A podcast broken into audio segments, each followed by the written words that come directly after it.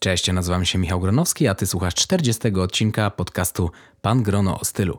W tym odcinku będziemy gościć Dawida Tymińskiego, który zaczynał jako bloger Second Hand Dandy, a dzisiaj jest członkiem zespołu całego takiego kombajnu mediowego teamu Dandycore. I właśnie w tym odcinku będziemy mówić o tym, jak ważne jest posiadanie zgranego zespołu, jak ważne jest, żeby każdy członek zespołu piszącego bloga czy prowadzącego kanał na YouTube się uzupełniał. Już nie przedłużając, zapraszam do słuchania.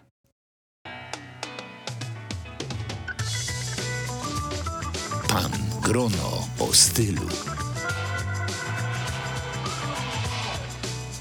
Poznaj tajniki swobodnej elegancji i metody rozsądnego budowania garderoby. Zaprasza Michał Gronowski.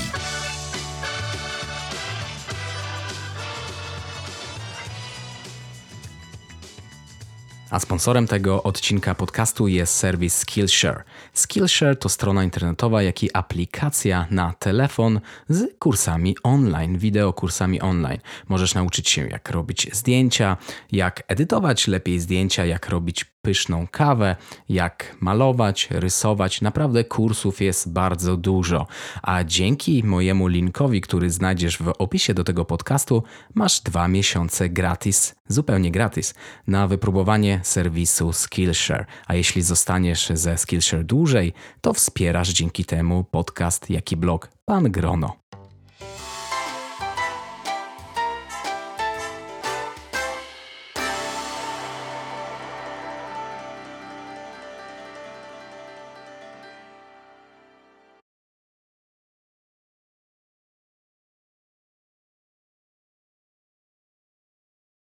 Ty jesteś blogerem, ale oprócz blogowania, co jeszcze e, robisz czy robicie?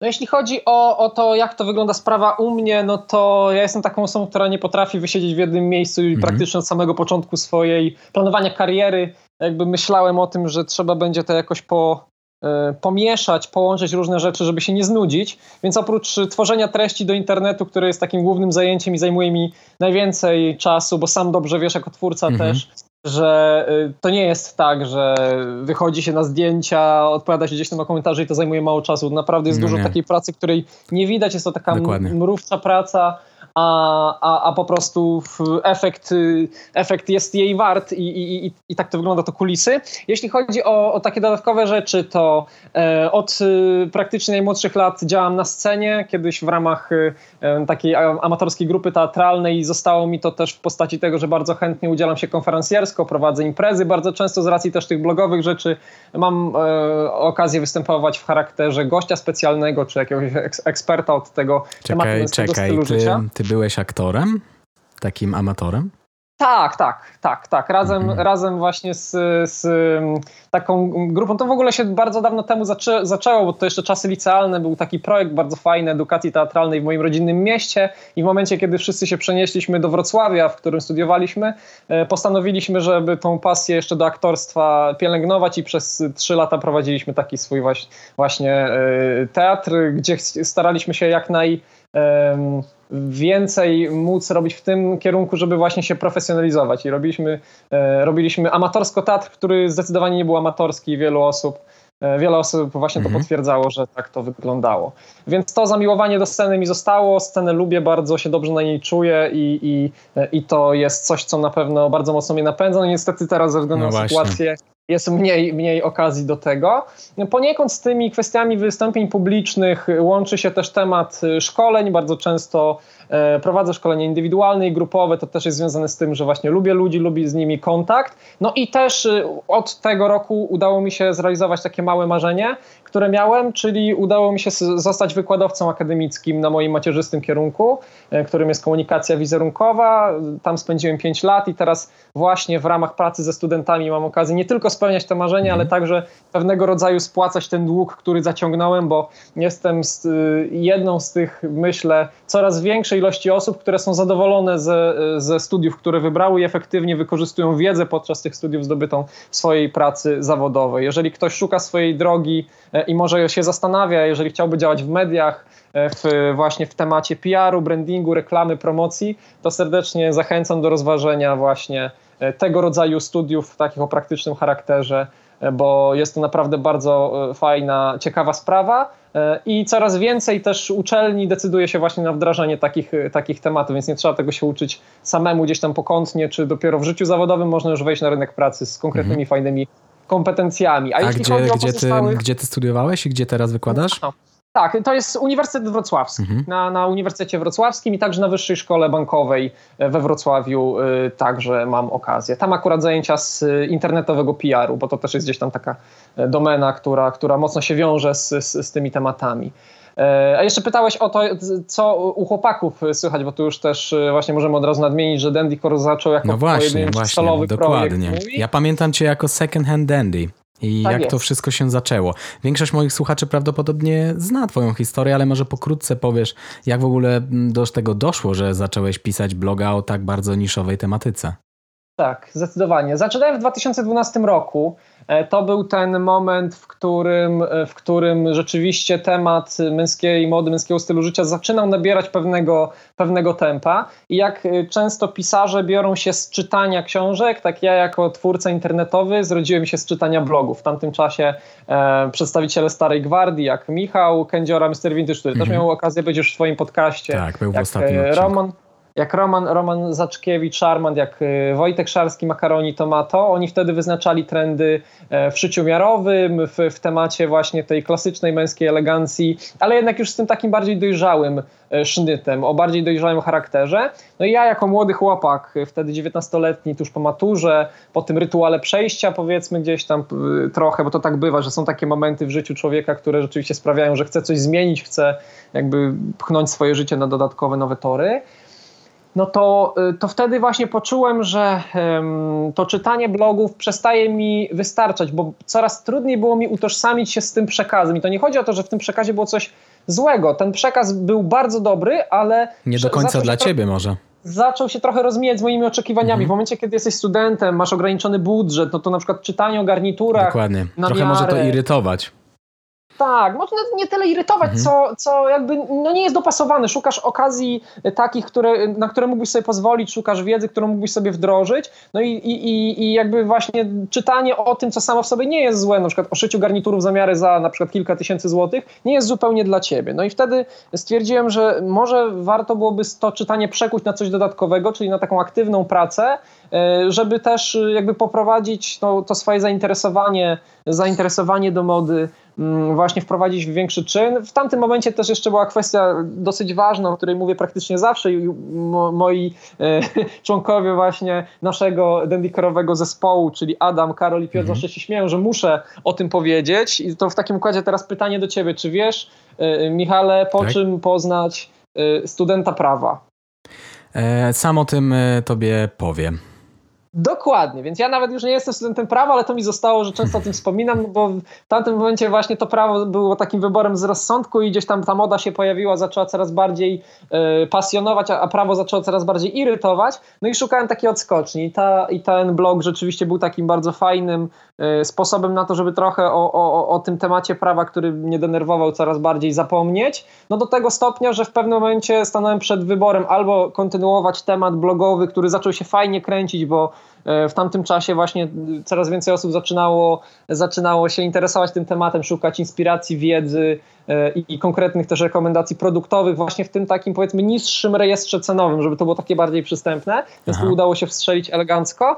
No a z drugiej, a z drugiej strony był to też e, swego rodzaju taki zapis właśnie tej mojej przygody, mojej historii, E, no, który w, po czasie dzisiaj stwierdzam, że stał się rzeczywiście dla, dla wielu tysięcy osób na tyle ciekawy, że z, postanowili e, być ze mną w tamtym momencie i, i, wielu z nich zostało aż do dzisiaj. No właśnie, bo ty zmieniłeś co nieco profil swojego bloga. Z Second Hand Dandy przeszliście no teraz już w kilka osób zmiany na Dandy Core. Dlaczego w ogóle posunąłeś się do, do takiej zmiany i może też trochę opowiesz jak to się stało, że w ogóle jest teraz was kilku. Tak jest. E, jeśli chodzi o ten temat e, rebrandingu, mhm. czyli zmiany tego szyldu, pod którym to się wszystko zadziewało, to tutaj e, takim głównym punktem zwrotnym były dwa wywiady, które miałem okazję udzielić. Pierwszy to był magazyn dla takiego chyba już niedziałającego magazynu internetowego Follower, gdzie umówiliśmy się z redaktorką naczelną Olą Kozicką na taką długą rozmowę, która miała trwać godzinę, trwała 4 godziny, bo tak nam się przyjemnie rozmawiało. I pamiętam, że dla mnie było takie nobilitujące, bo oni do mnie napisali, że chcieliby mnie na okładkę wtedy. To było jakoś chyba 2014 rok około. I pamiętam, że przede mną na okładkach były takie osoby jak Racka, jak Red Lipstick Monster, jak y, Maciej Dąbrowski, y, autor popularnego y, kanału z dupy, no może no nieładnie brzmi, no ale tak się nazywa ten kanał, więc, mhm. więc tak, to, tak to wygląda. No i ja taki żuczek, no właśnie Second Hand Dandy wtedy jeszcze, tak jak sam wspomniałeś, w temacie niszowym, no było to takie bardzo nobilitujące. I pamiętam, że z tego wywiadu wyciągnąłem to, że miałem do czynienia z pokazem takiego prawdziwego, rzetelnego dziennikarstwa, którego sam bym sobie życzył. Czyli e, Ola, która prowadziła tę rozmowę, była przygotowana do tego stopnia, że miałem wrażenie, że ona lepiej wiedziała, co się u mnie dzieje, niż ja sam. E, I to jest mega tytaniczna robota dla właśnie dziennikarza, researchera, mediaworkera, żeby to zrobić. I wielu osób niestety dzisiaj się tego nie chce albo nie mają możliwości tego robić. Nie? I, i wtedy cały taki w skowronkach, bo mówię, ej, super, to fajnie. Są jeszcze osoby, które są w stanie się wczytać, zrozumieć o co chodzi, jakby przekminić to, przefiltrować. No i później na, na, chyba na drugi dzień miałem okazję udzielać zdalnego wywiadu dla programu czwartego Polskiego Radia za pośrednictwem wrocławskiego studia. Bo tak mhm. często się dzieje, że zamiast tam jechać na 15 no tak. minut rozmowy, można podjechać do lokalnego studia, zrobić sobie łączenie, transmisję, nagrać to i, i to leci.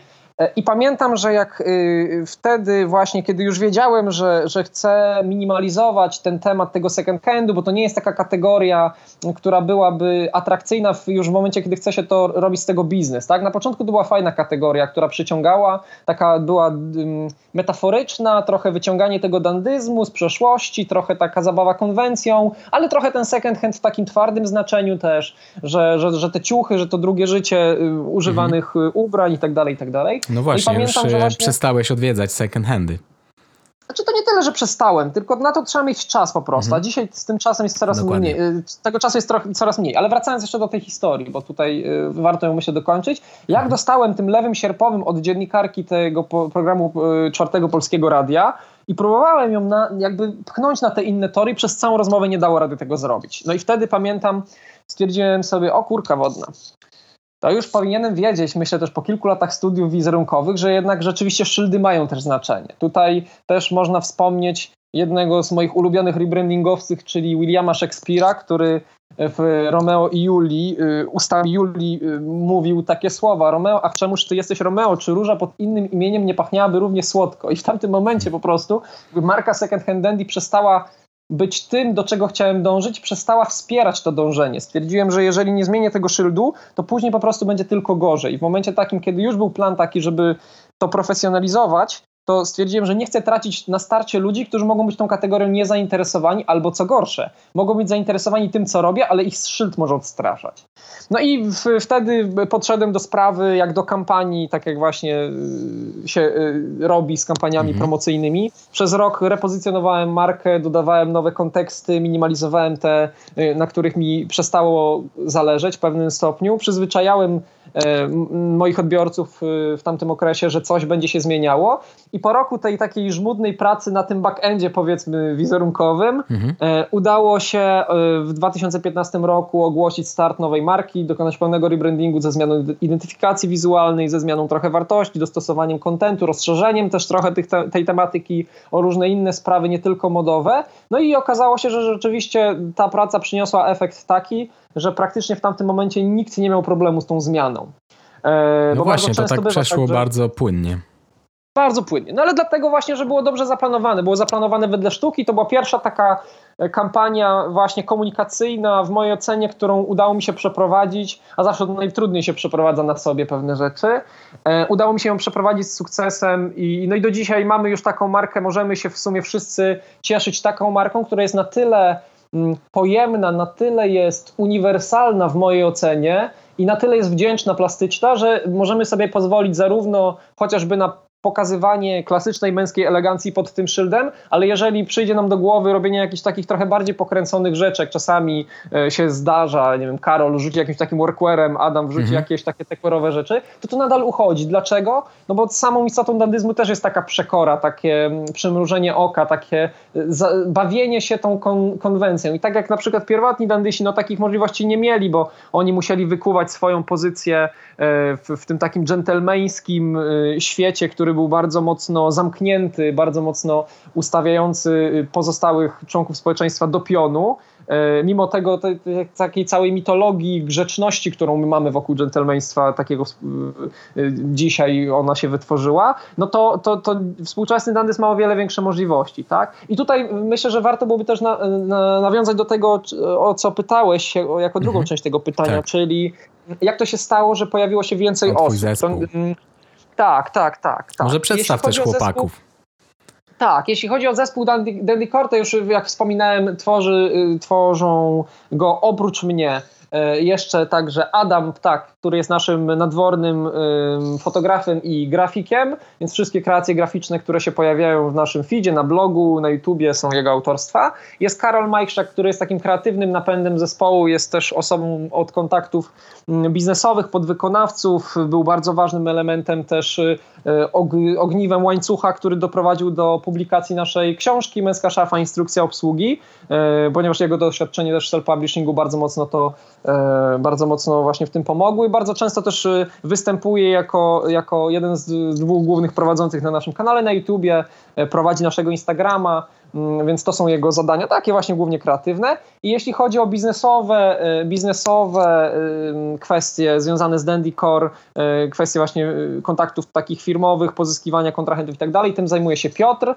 Oprócz tego też ma bardzo dużo fajnych, ciekawych pomysłów, które później są szlifowane przez cały, cały zespół. No a ja jako też osoba, jako CEO and founder, można byłoby tak określić, staram się tym wszystkim zarządzać. Też nadal czerpię dużą frajdę z tworzenia kontentu i dużo go tworzę.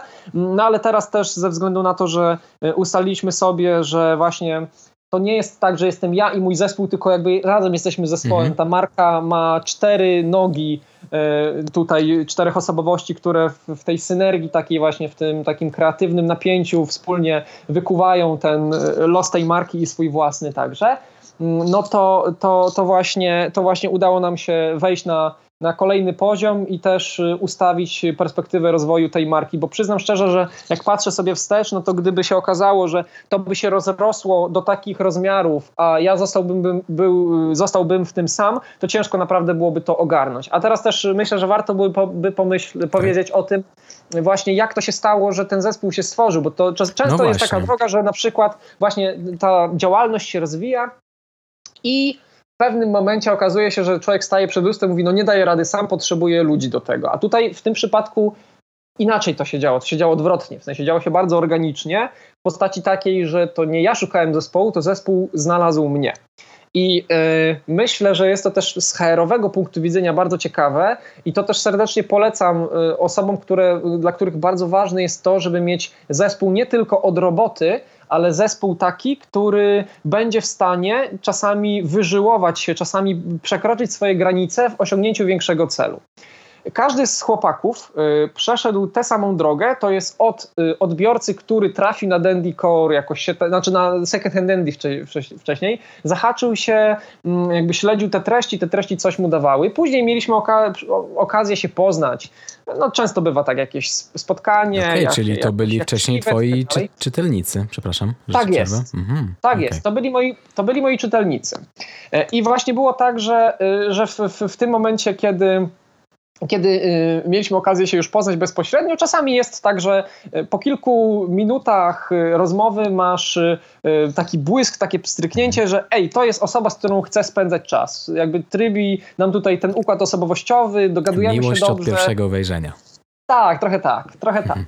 No i, i właśnie w międzyczasie, jak stali się znajomymi, później stali się bardzo dobrymi znajomymi ze względu na ten błysk, o którym wspomniałem. Później stali się przyjaciółmi, którzy albo a, mieli pewne kompetencje, które byłyby przydatne w prowadzeniu takiej strony, y, albo B, zaczęli nabywać te kompetencje. Na przykład w momencie, kiedy Adam zaprosił mnie na pierwszą sesję zdjęciową, którą zrealizowaliśmy i wyszła na, na bardzo dobrze, nigdy nie robił zdjęć ludziom. Robił zdjęcia martwych natur, krajobrazów i tak dalej, ale nigdy nie, nie działał w interakcji z osobą.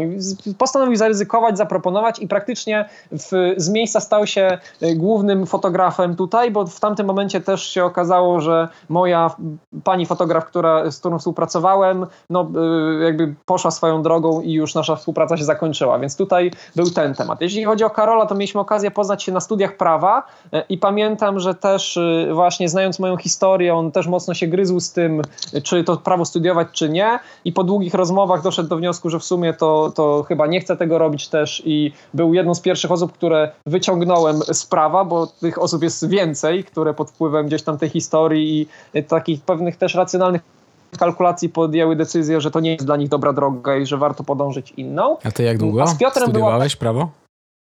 Ja trzy semestry, czyli mhm, zrezygnowałem na drugim roku mhm. i Karol tak samo. Okay. Tak, półtora roku. E, I Karol tak, Karol tak samo, no i później właśnie e, wybrał komunikację, komunikację wizerunkową.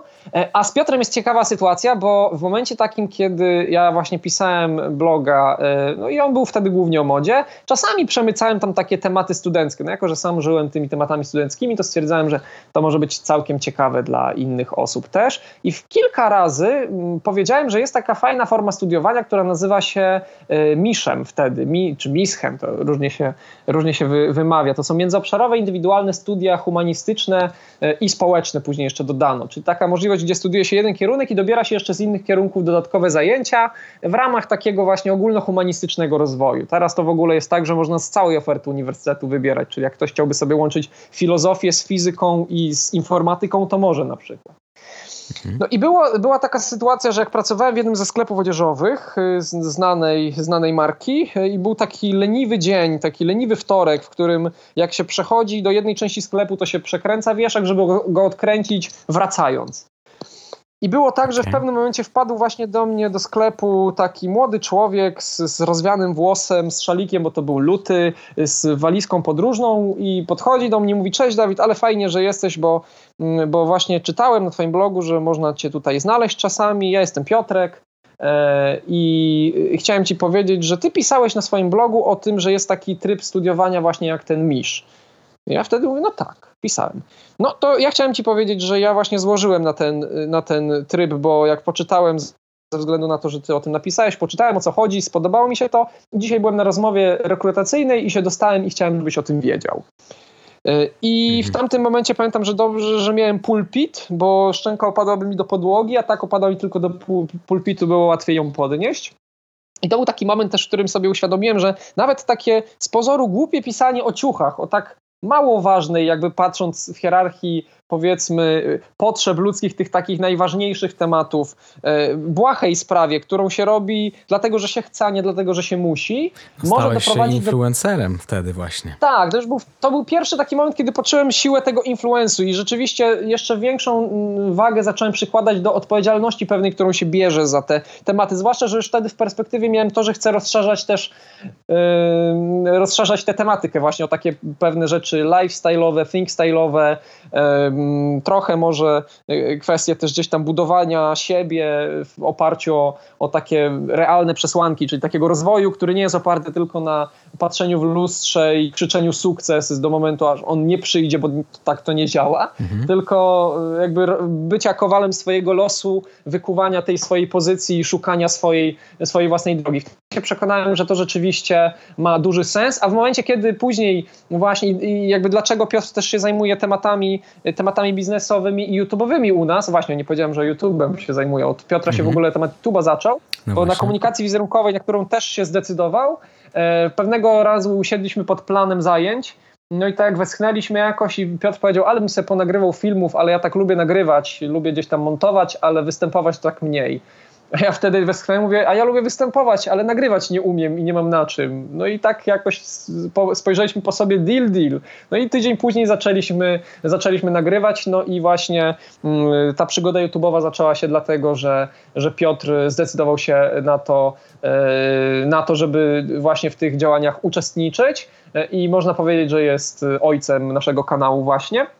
No i gdyby nie było YouTube'a tak naprawdę, to, to, to wielu rzeczy by nie było. Między innymi nie byłoby też tej możliwości podzielenia się tą historią o studiowania, studiowaniu prawa, którą do tej pory obejrzało jeśli dobrze pamiętam, prawie 100 tysięcy osób. Jest tam masa fajnych komentarzy od ludzi, którzy też stwierdzili, że albo utwierdzili się w przekonaniu, że prawo jest dla nich ciekawym tematem, bo tam też są takie argumenty, które mogą nie odwieść kogoś, kto powinien na tym prawie zostać, ale no, z, oczywiście z, z wiadomych względów e, większość komentarzy dotyczy właśnie historii osób, które miały podobne dylematy i film im pomógł poczuć się w tym lepiej, poczuć, że nie są sami, że to nie jest nic złego w momencie takim, kiedy y, rozważa człowiek rezygnację z, z nawet z tak prestiżowego nadal powiedzmy kierunku, jakim w Polsce jest prawo i że nie ma niczego złego w tym, żeby postawić na swoim i wybrać najlepszą dla siebie drogę. No, to jest myślę taka myśl przewodnia, którą chcielibyśmy też realizować w ramach Dandycore,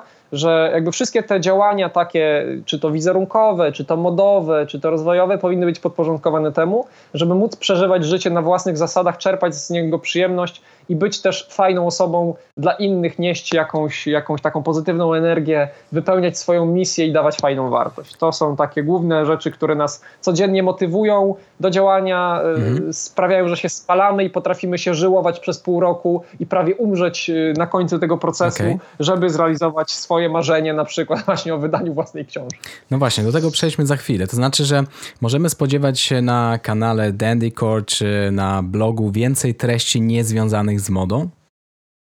Staramy się ten temat przemycać na tyle, na ile jesteśmy w stanie, no bo, bo tutaj też jest sprawa taka, że jeśli chodzi o temat w ogóle wizerunku, no my jesteśmy wizerunkowcami mhm. z wykształcenia, jak i z zamiłowania, e, a często takie osoby po prostu są ciekawe świat ludzi, e, lubią o człowieku się wielu rzeczy dowiadywać e, i lubią pogłębiać właśnie swoją wiedzę, niekoniecznie akademicką. No to, że ja się zdecydowałem na taki temat, to po prostu to było moje takie e, marzenie od, od zawsze, żeby móc myśleć o sobie jako części, no właśnie o członku tej społeczności akademickiej po drugiej stronie barykady, nie tylko studenckiej.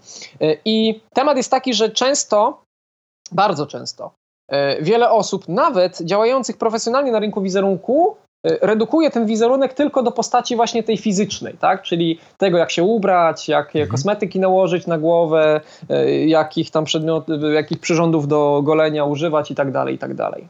A to jest głębsza sprawa właśnie, bo cały temat marek, marek osobistych, marek produktowych zawiera się w całej tej sferze wyborów, wartości, emocji e, i tego typu rzeczy. I my staramy się nadal być zakotwiczeni w tym temacie mody, no bo on jest taki konkretny, wielu ludzi go e, po prostu kojarzy e, i, i wie o co chodzi ale staramy się właśnie gdzieś tam przemycać, wprowadzać naszych odbiorców też w ten świat głębiej, zwłaszcza tych, którzy rzeczywiście starają się przeżywać swoje życie świadomie i szukać swojej drogi, czasami wbrew utartym konwenansom, schematom y, i, i oczekiwaniom wielu, wielu innych osób.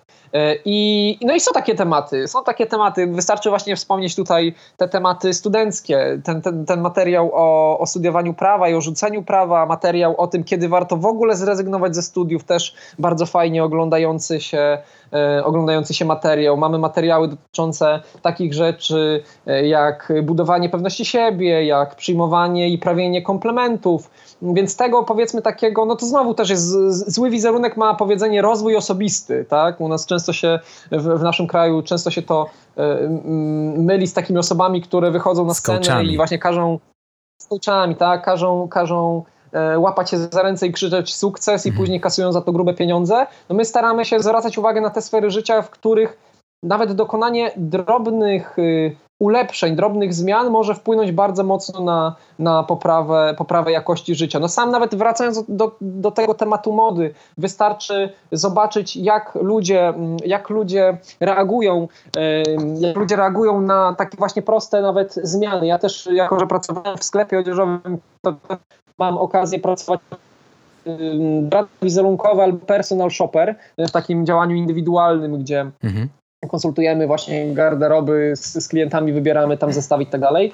Dla mnie zawsze bardzo ważne jest to, nawet nie to, czy klient dobrze wygląda w danej, w danej rzeczy, bo to jest oczywiście ważne z technicznego punktu widzenia, ale dla mnie osobiście najważniejsze jest błysk w oku klienta, kiedy on widzi siebie, widzi tą lepszą wersję siebie w lustrze i błysk w oku najbliższych, kiedy wchodzi on z nimi w interakcję i wykorzystuje to, że jest pewniejszy tak, że, że jakby patrzy na siebie przychylniej, że udało mu się pokonać jakiś kompleks, że ma teraz odpowiednie opakowanie do tych swoich kompetencji, tego swojego bogatego wnętrza, nad którym tak codziennie żmudnie pracuje. Jeżeli miałbym znaleźć taką główną motywację e, też właśnie do tego, dlaczego warto w ogóle temu tematowi modowemu, a później w dalszej konsekwencji wizerunkowemu poświęcać temat, to to, że to naprawdę mimo tego, że żyjemy coraz szybciej, że rzeczywiście mówi się o tym, że to nie szata zdobi człowieka i że nie powinno się oceniać książki po okładce, ale to nas nie odwodzi od dokonywania wyborów na podstawie samych okładek, i oceniania samych szat.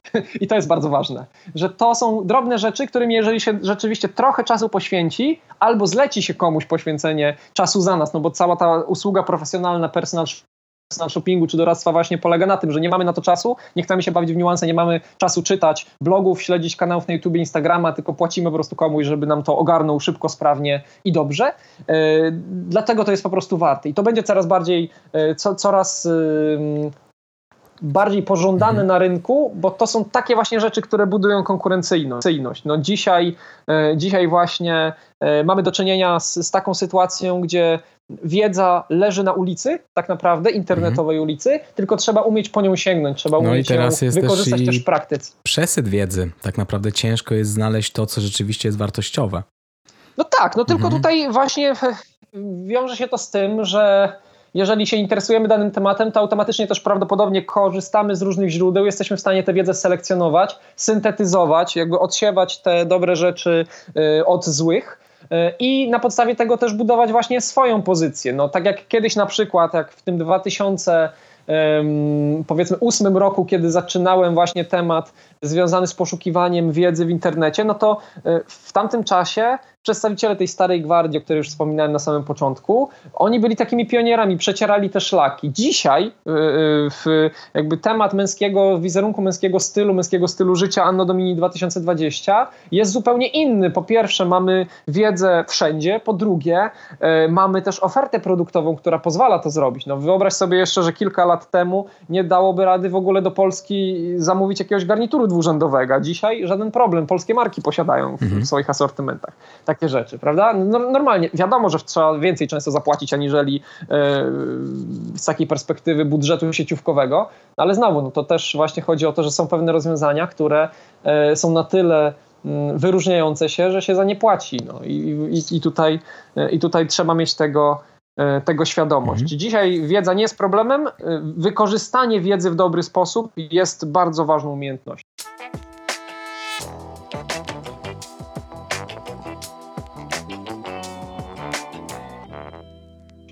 A powiedz mi, mm, przez ten czas, e, kiedy zacząłeś pisać bloga mm, i inne swoje kanały e, prowadzić, e, czy na YouTube, czy Instagram, twój mm, styl ewoluował. Jak mógłbyś opisać teraz twój styl? Czy dalej jest to taki styl dandysi? Mhm. Jeśli chodzi o mój styl, to on ewoluował od y, takiego stylu, który się nazywał um, Chciałbym być twardym, klasycznym elegantem, ale nie za bardzo mam bazę do tego, żeby to robić, więc będę uzasadniał każdy, nawet najbardziej kretyński wybór tylko po to, żeby dobrze to w miarę wyglądało opisowo, a już wizerunkowo niekoniecznie. Więc jak ktoś ma mocne nerwy, to może sobie przeskrolować archiwum do 2012 roku i popatrzeć sobie, co w tamtym czasie uchodziło. E, I to jest też ciekawe, że w tamtym czasie właśnie to uchodziło, dlatego że nie było standardu tak wyśrubowanego. Dzisiaj tak naprawdę, jeżeli ktoś chciałby zacząć swoją przygodę z tym tematem, to już bariera wejścia jest o wiele wyższa, tak? Już takie Ale rzeczy, chyba... które ja robiłem wtedy, mhm. nie przechodzą, nie uchodzą. Każdy z nas chyba też zaczynał od tego, że chciał być jak najbardziej klasyczny. Tak no mi się tak, wydaje. Tak, tak, no mhm. bo to jest, to jest z takiego psychologicznego punktu widzenia w momencie, mm, jeżeli się popatrzy właśnie na tą to, co kiedyś nazywałem sieciówkową byle jakością, no to zwrócenie się ku klasycznej męskiej elegancji jest wygodne, bo tam są jasne, proste zasady. Dokładnie. Ludzie, kiedy brakuje im, brakuje im usystematyzowania, czy to życiowego, jakiegoś tam kwestii wartości i tak dalej, kiedy mówi się, że wszystko wolno, to część ludzi ma taki naturalny opór, a ja bym chciał wiedzieć, co wolno, a czego nie wolno. I właśnie takie systematyzowanie, układanie, y, chociażby względem zasad, jest dla takich osób bardzo, y, bardzo przydatne. No ja też wpadłem w ten tryb, tylko w pewnym momencie się zorientowałem, że rzeczywiście, no jeżeli są jakieś rozwiązania, które są dobre dla pewnych osób, to one nie muszą być dobre dla mnie, to jest pierwsza sprawa. A po drugie, w momencie, kiedy coraz mocniej zacząłem się interesować tymi tematami antropologicznymi, zacząłem e, analizować właśnie y, też trochę naukowo te mechanizmy społeczne, które rządzą naszym życiem, no to doszedłem do wniosku, że jakby kontekst działań końca XVIII wieku, XIX, XX wieku, w którym te wszystkie zasady się wytwarzały, był zupełnie inny i on jest krańcowo różny od tego, co mamy dzisiaj. Na przykład sztandarowa zasada, że nie powinno się nosić butów brązowych po godzinie 18 na przykład. Albo, tak? Albo brązowego to, garnituru.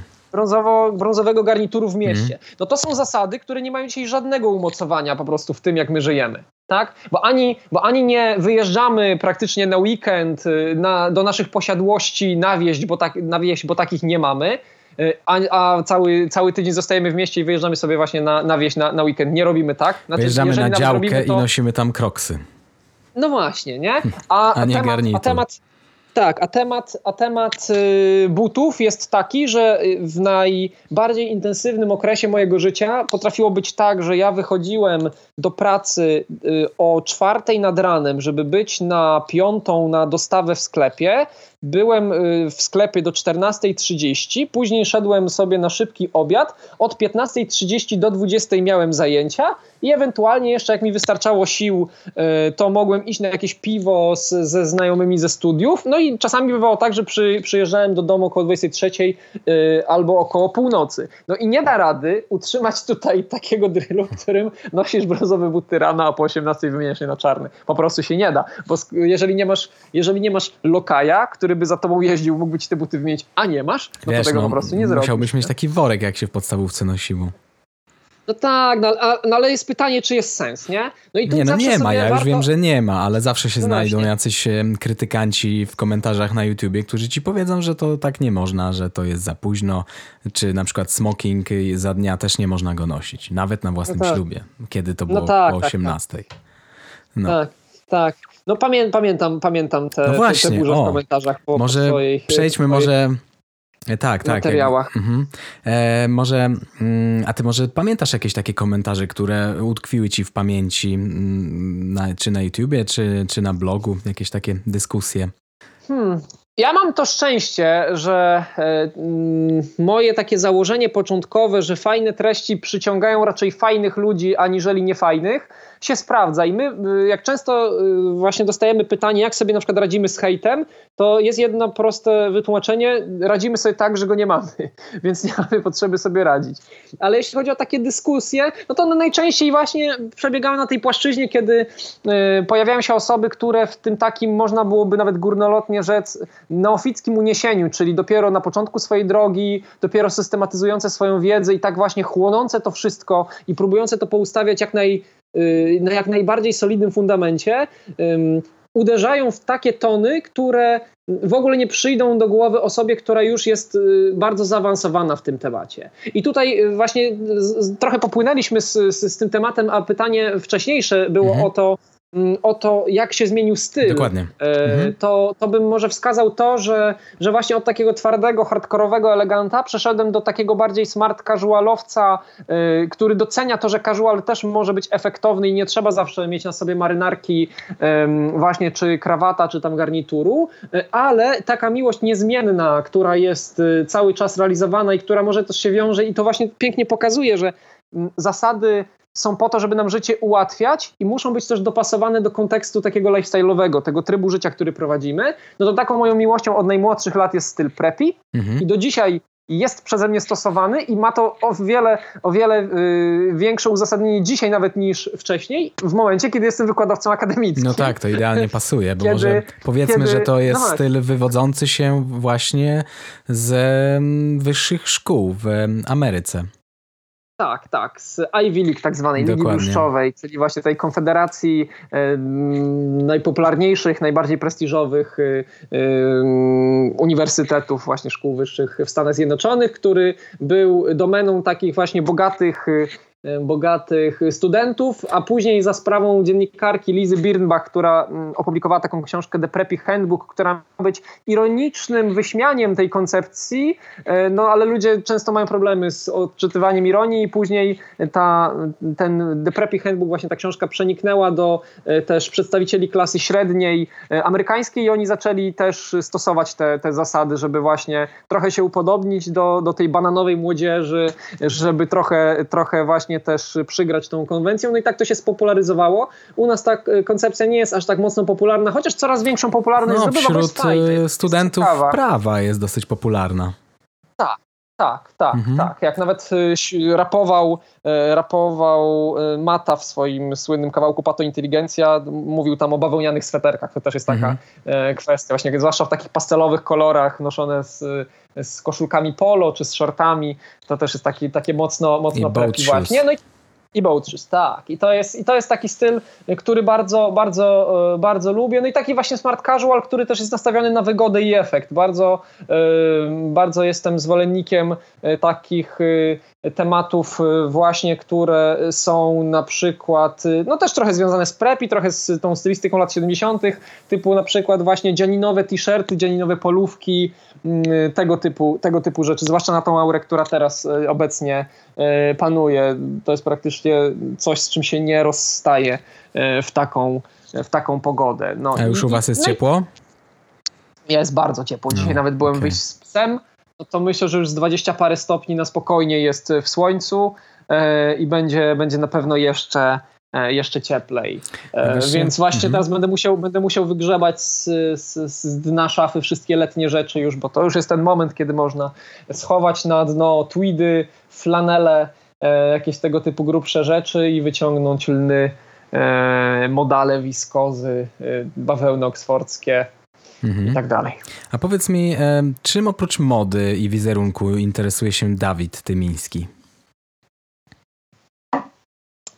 To jest ciekawe, ciekawe pytanie i tutaj chyba jednoznacznej e, odpowiedzi nie będę w stanie udzielić, dlatego że mam taką trochę paskudną przypadłość, która mm, sprawia, że często e, ciężko mi jest oddzielić ten świat zawodowy od świata prywatnego, więc jakby wiele tych moich, i mam to to jest też, też y, szczęście i przekleństwo przekształcania swojej pasji w pracę, że większość rzeczy jest po prostu podporządkowana rozwojowi w tej, w tej, w tej dziedzinie.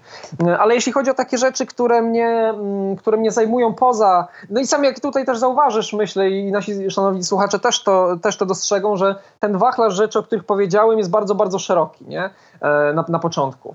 Ale z takich rzeczy, które mnie, które mnie interesują poza poza e, tematem właśnie stricte, stricte mody, stricte stylu życia, blogowania i tak dalej, e, to jest temat języka. Nawet kiedyś myślałem, czy by nie uderzyć w temat językoznawstwa, ale u nas często się dzieje tak, że trzeba studiować polonistykę, ona wygląda w większości przypadków tak, że się czyta książki na czas, a ja czytam książki dla przyjemności, a nie na czas, więc zrezygnowałem, ale nadal niuanse językowe, tego typu tematy mnie bardzo, bardzo interesują. Jestem wielkim zwolennikiem saunowania.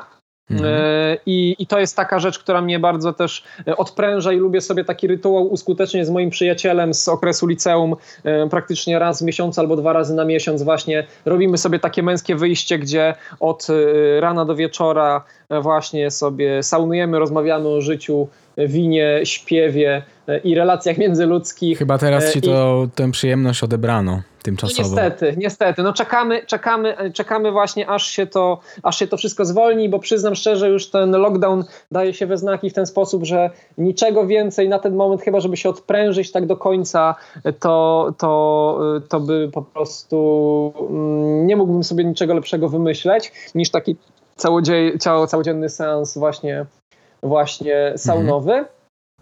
E, mam zamiłowanie duże, duże muzyczne, e, wręcz myślę często o sobie jako niespełnionym muzyku, e, bo to jest jedna z takich rzeczy, których nigdy nie dane mi było się rozwijać.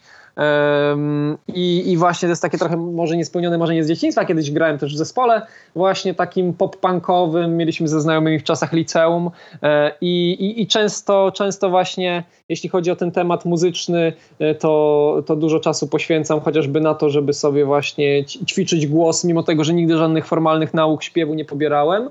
To może e, powinienem mam... cię wyzwać na Hot 16 Challenge ale to jest właśnie kurcze, kurcze temat rapowania. No, no jeśli chodzi o kulturę rapu, to się przyznam bez bicia, no nie jestem tutaj biegły. U nas, jeśli chodzi o kulturę rapu, to cytat rapowy na każdą okazję ma Karol. E, Karol jest e, wielkim piewcą kultury poetów ulicy, jak on to często Nawet nie mówi. czujesz, kiedy rymujesz. Tak jest, tak, więc, więc on, on, on ma cytat rapowy, zawsze nas zaskakuje podczas spotkań i zawsze jest z tego e, masa, masa śmiechu i masa radości, bo potrafi w bardzo celnych, właśnie krótkich rapowych słowach podsumować mm, różne, różne takie sytuacje. I mam taką, e, mam taką małą pasję i takie małe zainteresowanie, które może zupełnie wizerunkowo nie pasować, ale ja o nim często mówię, bo to też warto, warto jakby przedstawiać rzeczy takimi, jakimi one są. E, jestem wielkim wielkim fanem największej franczyzy medialnej na świecie, y, to jest y, Pokémonów.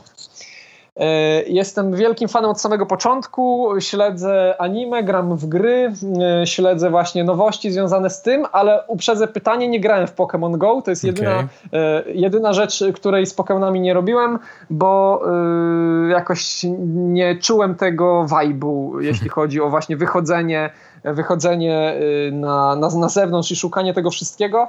Wydaje mi się, że jeśli, jeśli chodzi właśnie o moje, mój stosunek do gier komputerowych, to jednak cenię sobie to wsiąknięcie w świat, kiedy jestem ja, jest gra, mogę sobie poświęcić na to czas, podziałać i, mm, i, i, i właśnie nic mnie nie odciąga, nic mnie mhm. nie rozprasza.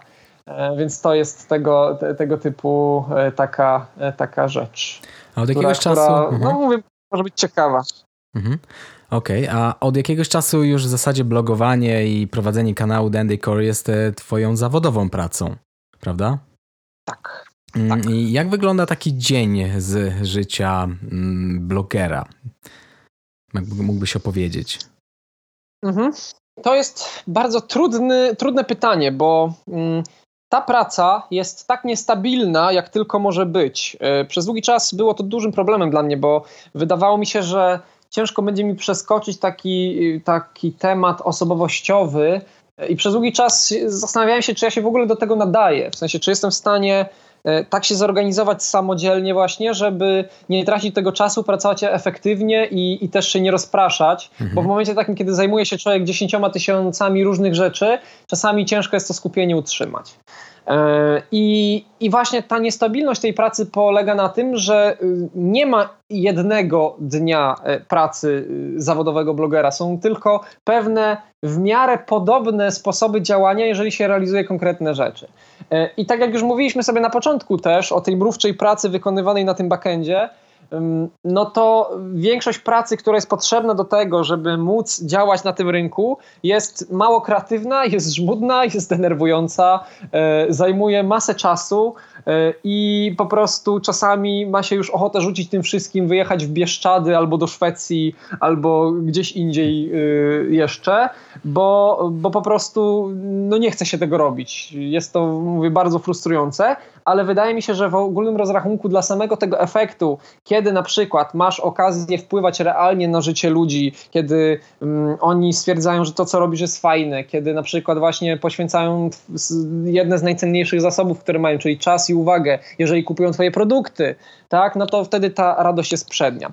To, I tak jak wspominałem, to zależy po prostu od tego, co robimy. Jeżeli mamy na przykład dzień nagrań, no to on się zaczyna około 10, ustawiamy często setup, światła, e, ustawiamy temat, e, temat właśnie tam e, kamery, mhm. dźwięku i tak dalej. No i te nagrania zajmują nam około 5-6 godzin zazwyczaj, jeszcze z dodatkowymi rzeczami, typu tam właśnie na YouTube, okładki i tak dalej. Ale znowu, żeby doszło do dnia nagrań, trzeba najpierw zrobić research, trzeba znaleźć temat, trzeba um, przygotować scenariusz, to są kolejne godziny. Nagranie to jedno, później montaż. Sam też y, montowałeś y, mhm. filmy i montujesz nadal, no, tak? Cały czas sam podcast. to robię akurat. Mhm. No, więc robisz cały czas sam, wiesz ile to jest pracy. E, I w momencie takim, kiedy ta jakość produkcyjna rośnie też, no to automatycznie też rośnie nakład pracy, który musi być zrobiony. Inaczej się nagrywa takiego vloga stanego gadanego, a inaczej, mhm. kiedy są jakieś przejścia, przebitki, mhm, dojścia do strzałki i tak dalej, i tak dalej. No, w moim przypadku to e, akurat nagrywa mnie żona, dlatego jest to ograniczone, jeśli chodzi o e, kreatywność. Mm, no ale no jest dobry taki temat, że mm, nie, nie jesteś ograniczony też innymi e, aktywnościami, które, które tutaj muszą być. Jeżeli są osoby właśnie jakieś z zewnątrz, czy takie, które mają też dodatkowe rzeczy, no to czasami ciężko jest to zgrać, nie? Mhm. E, jeśli, chodzi, jeśli chodzi o to. Bardzo dużo czasu zajmuje odpowiadanie na maile, ofertowanie. E, ofertowanie jest bardzo żmudnym procesem. W momencie, kiedy wysyła się prezentacje ofertowe do 10 podmiotów, od razu ma się świadomość, że prawdopodobnie 8 zrezygnuje ze współpracy, więc to jest taka robota, która się wydaje mm, trochę stracona, ale znowu nigdy nie wiadomo, które z tych propozycji to będą te dwie, które na przykład dojdą do realizacji. E, prowadzenie social mediów, przygotowanie kontentu, optymalizacja kontentu, bo dzisiaj robienie fajnych rzeczy to jest mało. Trzeba jeszcze z tym kontentem dotrzeć, a biorąc pod uwagę to, że e, ten ekosystem social mediowy coraz częściej jakby wymusza mm, działanie wedle zasad, których my nie znamy do końca, tak? Często algorytmy działają e, w bardzo niezrozumiały sposób, tak? Dziś dzisiaj wiele osób się zrzyma na przykład, które napiszą, czego wy robicie takie miniaturki krzykliwe na przykład na filmach na YouTubie. A ja wtedy często odpowiadam, dlatego, że jakbyśmy robili takie normalne, to nikt by wtedy materiału nie klikał. I o to chodzi po prostu, że nie, nie, niekoniecznie jest ważne to, co robisz, ale jest ważne, jak to jest prezentowane i czy to łapie uwagę ludzi, nie? I to mhm. oczywiście nie jest idealna sytuacja dla takiego content guy'a jak ja, który jednak wierzy w to, że rzeczywiście najważniejsze jest to, to dotarcie do wartościowego odbiorcy, który doceni jakość treści, którą dostaje, nie? I niestety w tym ekosystemie medialnym coraz trudniej jest to po prostu osiągać, ale nadal, e, skoro działamy profesjonalnie, skoro nadal e, chce nam się to robić, no to okazuje się, że mimo tych trudności szukamy cały czas sposobów na, na osiąganie tego. Są takie dni, gdzie nie ruszam się od komputera przez 8 do 10 godzin. Są takie dni, kiedy cały dzień spędzamy właśnie na mieście, na jakichś nagraniach, na robieniu rzeczy. Są takie dni, gdzie spotykam się cały dzień z klientami bezpośrednio. E, są takie dni, kiedy właśnie aktywności się przetykają, bo na przykład rano mam e, spotkanie kreatywne, mamy spotkanie e, z zespołem, później mam zajęcia na uczelni, a później mam właśnie spotkanie z klientami dodatkowe, tak? Więc ten dzień czasami bardzo, bardzo jest różny i to jest fajne, w sensie, bo pozwala się nie zmęczyć, nie znudzić jedną rzeczą, ale jest czasami żmudne, bo człowiek się zaczyna gubić po prostu. I brakuje momentami pary na to, żeby robić wszystko, tak, jakby się chciało, a jeżeli jest się ambitnym, tak jak ja, no to zawsze chciałby się robić na 110%. Okej. Okay. A ty poruszasz się, wy poruszacie się raczej w takim internetowym środowisku, a jednak zdecydowaliście się napisać książkę w takiej e, tradycyjnej postaci. Czy to w ogóle było trudne? Napisanie książki to, to już coś, ale czy patrząc z perspektywy czasu, zrobiliście by to dokładnie tak samo? Na pewno nie tak samo, bo tak jak już e, zahaczałem trochę temat wcześniej, mhm okupiliśmy to bardzo dużymi stratami, e, a e, każdy, kto trochę wie o wojskowości, o zarządzaniu strategii, wie, że jak ma się duże straty, no to to niedobrze. Mhm. E, że jeżeli można tych strat uniknąć, no to warto dołożyć wszelkich starań, żeby tych strat nie było. No i my po prostu szarpnęliśmy się na bardzo duży projekt, taki, który nie przerósł nas, jeśli chodzi o temat samego napisania książki, bo to jest w ogóle ciekawe, że wielu osobom się wydaje, że na przykład właśnie napisanie czegoś, stworzenie jest najtrudniejszym e, etapem. Nie, zupełnie nie. W naszym przypadku poszło wszystko bardzo, bardzo gładko. Mieliśmy dobrze przekminiony ten temat, mieliśmy bardzo dobrze to rozpisane, wiedzieliśmy, co chcemy osiągnąć, wiedziemy, wiedzieliśmy, co potrzebujemy zrobić, żeby to osiągnąć i to się udało. E, zabiły nas dwie rzeczy. Brak czasu, czyli chęć zdążenia przed świętami, bo my podjęliśmy ostateczną decyzję o rozpoczęciu tego projektu e, pod koniec czerwca i tak naprawdę przysiedliśmy do niego na początku sierpnia, więc y, sierpień, wrzesień, październik, listopad, grudzień, no to to jest 5 miesięcy, to jest niecałe mhm. pół roku. To jest bardzo mało czasu jak na proces wydawniczy, zwłaszcza w self-publishingu, bo jeżeli jeszcze byłoby tak, że mielibyśmy wydawnictwo, a co, czego od razu nie chcieliśmy, bo y, stwierdziliśmy, że nie chcemy oddawać owoców naszej pracy, naszego know-how i naszego autorytetu wizerunkowego za śmieszne pieniądze, bo to, to by się wiązało z jakimiś kwotami rzędu kilku złotych na egzemplarzu i od razu odstrzeliliśmy te opcje, nawet za cenę tego, że mielibyśmy o wiele większy zasięg, bo mhm. byłyby księgarnie, empiki i tak no ale tutaj poszliśmy typowo tym e, rytem Michała Szafrańskiego, żeby właśnie maksymalizować tak. zyski, e, mm, maksymalizując przy tym nakład pracy, ale minimalizując właśnie jakby pośredników, którzy nam są w stanie tutaj wykrawać z tego tortu po kawałku na każdym etapie. No i i po prostu właśnie y, ten nakład pracy wymagają, wymaganej do tego, żeby ten projekt został dobrze zakomunikowany i żeby dotarł do ludzi. To, to nas też przygniotło. Tu nam brakło czasu, bo tak mocno się skupiliśmy na kreacji, że praktycznie położyliśmy bardzo, y, bardzo mocno y, ten temat książki. właśnie promocji. Mhm. Tak, tak, tak. Nie, nie udało nam się, no ze względu na, na to ściśnięcie tego właśnie całego okresu, kiedy wszyscy self-publisherzy mówią, że rok to jest tak, taki termin, żeby można było to zrobić na spokojnie, a my to zrobiliśmy w 5 miesięcy e, wszystko, no to, to, to pokazuje, że trzeba było działać na dwa razy większych obrotach.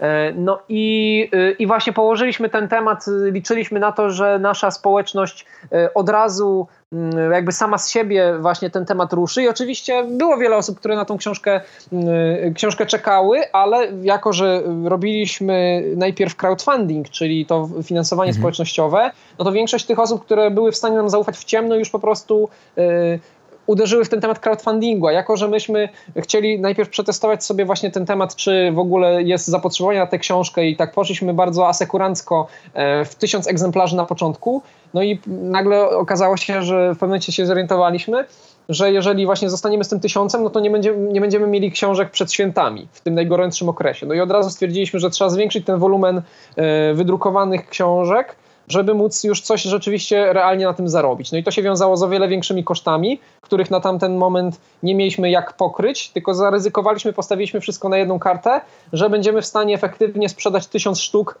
które pozwoli nam sfinansować wydruk tych dodatkowych pięciu tysięcy, które już e, pozwoliły nam na to, żeby e, żeby właśnie zarobić e, lepsze pieniądze, aniżeli tylko takie jakieś tam dodatkowe powiedzmy właśnie pieniądze jako mhm. taki dodatek do, do, do, do, do, do codziennego życia, nie?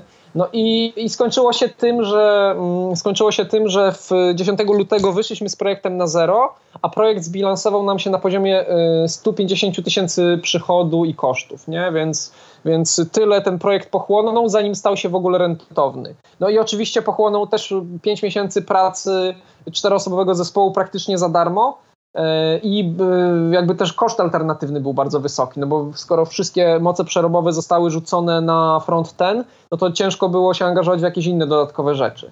Ale robili, e, robiliście coś poza książką jeszcze w tym czasie? Nie. Nie, okej, okay, rozumiem. Nie.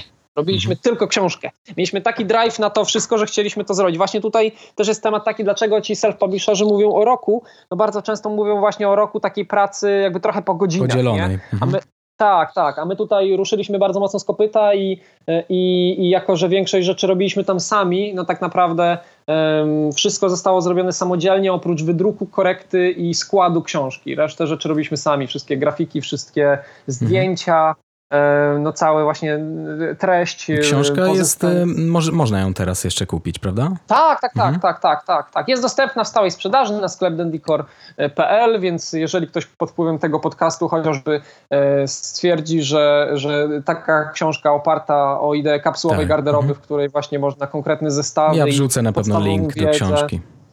Super, będziemy bardzo, mhm. bardzo wdzięczni. Już w tym momencie w imieniu całego zespołu dziękuję.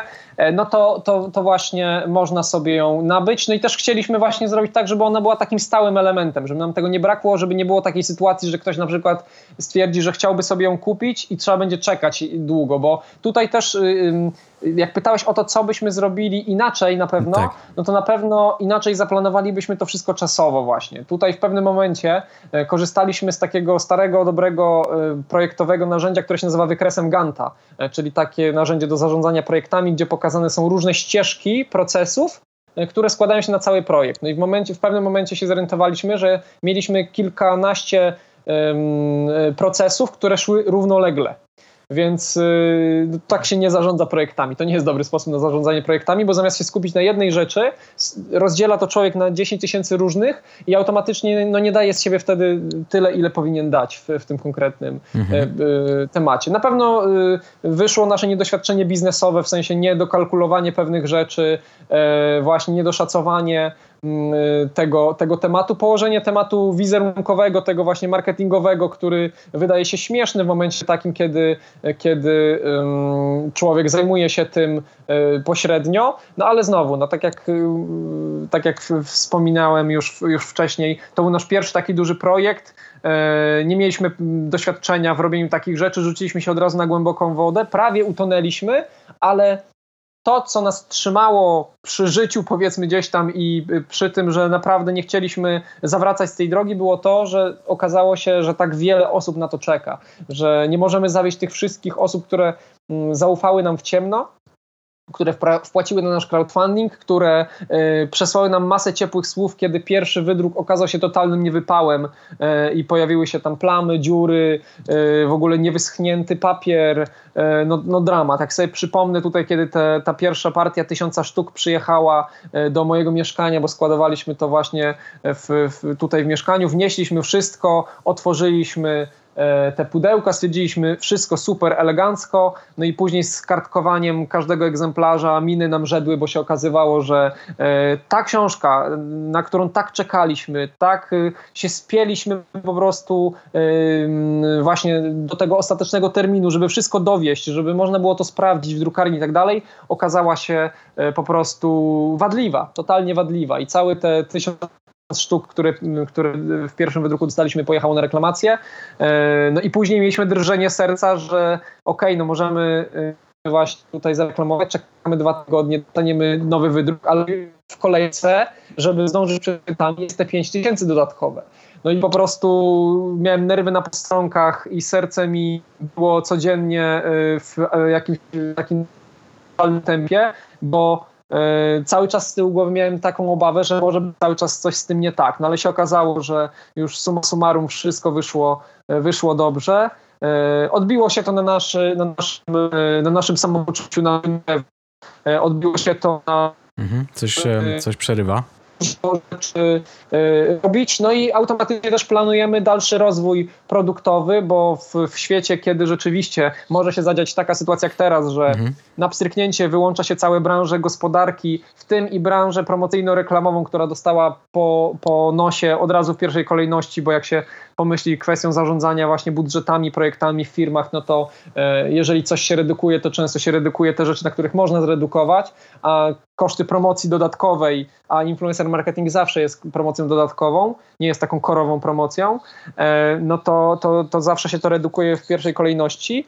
No i, i, i, i to pokazuje, że jedyną rzeczą, która jest w stanie zapewnić takiemu biznes, biznesowi przetrwanie jest posiadanie własnych produktów i usług, które jesteśmy w stanie um, właśnie tutaj oferować osobom, które mają pełne przekonanie, że to jest fajna, fajna sprawa. No a te 2000 osób, które nam zaufało do tej pory i przekonało się o, o jakości, o wartości naszej książki i te opinie, które dostaliśmy i to, że w tym trudnym momencie też możemy na te osoby liczyć, że jesteśmy z nimi w stałym kontakcie, że one też się dzielą opiniami, e, pomysłami na to, jak pewne rzeczy ulepszyć. Pamiętam jednego z czytelników, który wysłał nam plik y, taki w Excelu, w którym znalazła się errata do książki.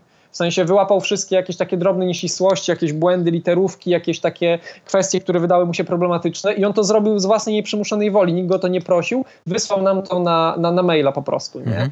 Y, jeżeli ma się takich klientów, takich odbiorców, no to jak tutaj nie spać po 2-3 godziny, jak tutaj nie siedzieć po 10 godzin w studio, gdzie po prostu już piątego dnia y, oczy ci płoną, y, musisz robić drzemki co godzinę, takie 15-minutowe, bo nie jesteś w stanie po prostu jak jakby ułożyć tych, y, tych rzeczy tak, żeby, żeby było. Później Adam jest w stanie w tydzień obrobić 200 parę zdjęć, gdzie muszą być docięte, muszą być wy, wy, wygumkowane tam wszystkie te rzeczy, jakieś pyłki, bo to, to w studiu foto nie zawsze jesteśmy w stanie, zwłaszcza na ciuchach, e, uzyskać to wszystko. Dlaczego później właśnie jesteś w stanie poświęcić, poświęcić pół roku pracy za darmo, żeby, żeby to zrobić? Właśnie to. To jest to poczucie misji, tej wizji, tego ognia i tej wartości, którą chcesz dać e, osobom. Kiedy dostajesz fajny, pozytywny respons, kiedy ludzie mówią, ok, drukarnia skopała sprawę, poczekamy dwa tygodnie, poczekamy miesiąc, poczekamy tyle, ile będzie trzeba.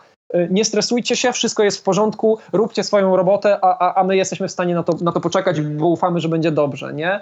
E, I później e, po prostu cała ta fala właśnie pozytywnych komentarzy, kiedy ludzie piszą, że mm, dzięki na przykład tej książce E, w ogóle poznali ideę kapsułowej garderoby i nie, nie, myśleli, że stworzenie takiej garderoby, w której wszystkie elementy są jak klocki Lego, niezależnie od koloru, niezależnie od rozmiaru, jak się je połączy, to będą pasowały, że to jest możliwe, a okazało się, że jest to możliwe. I to jest mega, mega satysfakcjonujące. I to jest coś takiego, co sprawia, że wstając rano, nawet jak jest trudny dzień, mam pełną świadomość, że ta praca, którą podejmuję, nawet jeżeli ona jest żmudna, jeżeli ona mnie nudzi czasami, jeżeli mnie denerwuje, bo jest właśnie tym backendem, to ma sens i, i warto ją robić. Mhm. A powiedz mi, um, czego możemy się spodziewać e, po Dandycore w najbliższej przyszłości? Jakie macie plany? Czy może macie jakieś plany na nową książkę? Czy coś zupełnie innego?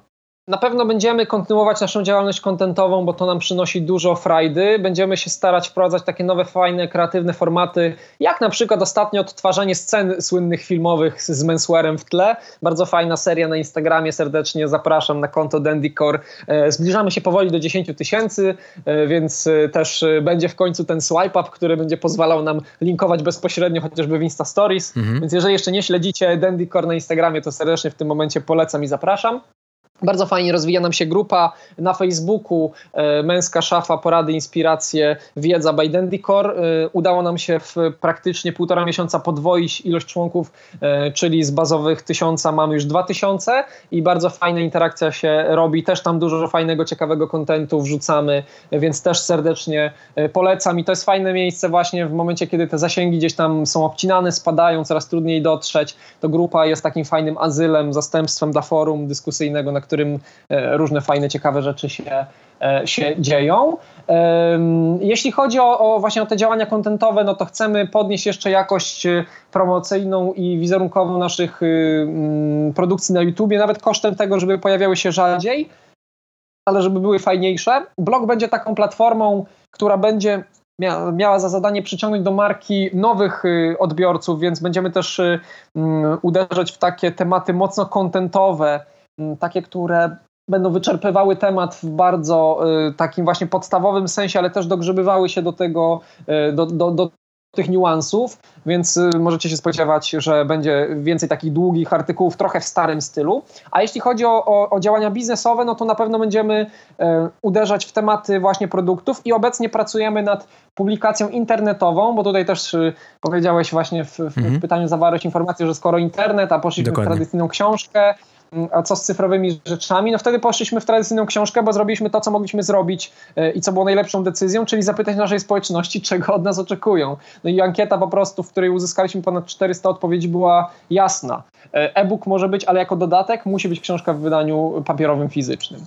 E, no, a teraz w związku z tym, że no, nasza książka się sprzedaje fajnie, jest takim tematem, który jest dobry, jeśli chodzi o, o, o temat książki klasycznej, papierowej, pracujemy pracujemy właśnie nad y, publikacją internetową e-bookiem, który będzie dotyczył budowania profesjonalnego wizerunku. Będziemy zbierać tutaj nasze doświadczenia e, z pracy z klientami, nasze doświadczenia szkoleniowe e, i doświadczenia ekspertów od y, męskiego stylu życia, savoir vivre i męskiej mody w formie takiego właśnie kompendium, e, które będzie przydatne zarówno dla osób, które dopiero wchodzą na rynek pracy i chcą się jak najszybciej na nim odnaleźć w tych wszystkich właśnie niuansach związanych związanych z podejmowaniem e, pierwszej pracy, zmianą pracy, rozmów kwalifikacyjnych, assessment center itd., tak itd. Tak jak również e, będzie to bardzo, myślę, przydatna publikacja dla osób, które chcą podnieść jakość swojego wizerunku w biznesie, czyli są to osoby, które na przykład piastują szczeble menedżerskie w korporacjach, prowadzą własne biznesy, chciałyby zacząć prowadzić swój własny biznes, więc będzie to też takie właśnie ciekawe,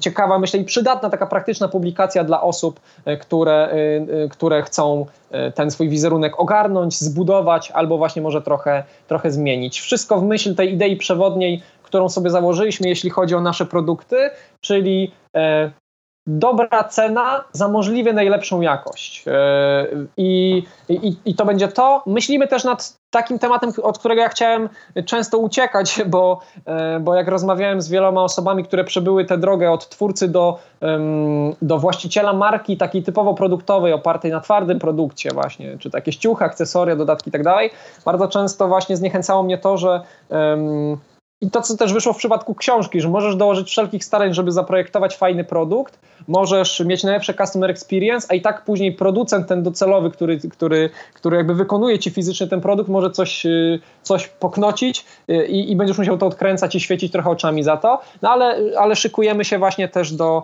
i sądujemy temat w, w kwestii takich pewnych braków rynkowych, jeśli chodzi o akcesoria, jeśli chodzi właśnie o produkty, y, ale to pieśń przyszłości. Na ten moment skupiamy się na, na tych produktach cyfrowych, bo właśnie tutaj no, mamy swój know-how, który chcemy, chcemy opakować y, do postaci tych produktów cyfrowych, a myślę, że druga połowa roku y, to będzie, będzie taki moment, kiedy może już coś pierwszego w postaci fizycznej, nie książkowej, nie właśnie usługowej zaprezentujemy. Okej. Okay.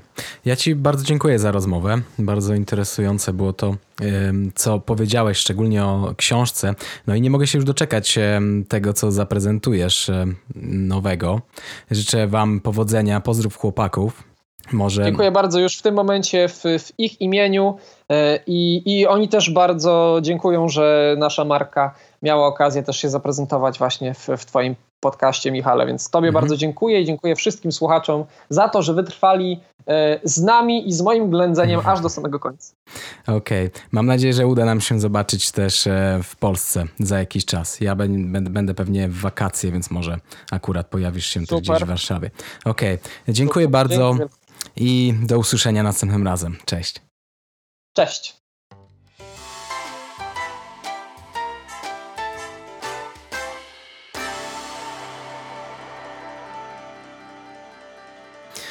Uff, no, to była dopiero rozmowa. Z Dawidem można rozmawiać e, godzinami. Jest on idealnym rozmówcą, bo tak naprawdę nie trzeba mu zadawać pytań. Sam jakoś z siebie wyciąga odpowiedzi na te pytania, które właśnie chciałem mu zadać.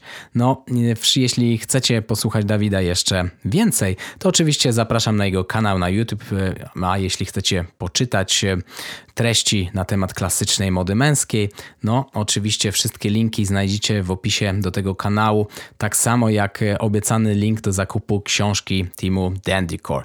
No, ciekaw jestem, kogo chcielibyście wysłuchać w kolejnym odcinku podcastu Pan Grono o stylu. Jeśli macie jakieś pomysły, oczywiście piszcie na michalmałpa.pangrono.pl, a w przerwie między odcinkami podcastu zapraszam na mojego Instagrama, gdzie jestem podnikiem Mr. Grono, MR grono. Tam możecie znaleźć bardzo dużo inspiracji, jeśli szukacie inspiracji na nadchodzący sezon, ale możecie też zobaczyć, jak życie upływa mi tutaj w Szwecji, gdzie no, nie ma takiego, takich zaostrzeń koronawirusowych, dlatego tak naprawdę moje codzienne życie niewiele różni się od tego, które było przed pandemią. No, oczywiście również zapraszam na mój kanał YouTube, gdzie jestem jako Pan Grono. Ja już Wam dziękuję za uwagę. Mam nadzieję, że do usłyszenia wkrótce w następnym odcinku Pan Grono o stylu. Dzięki, cześć.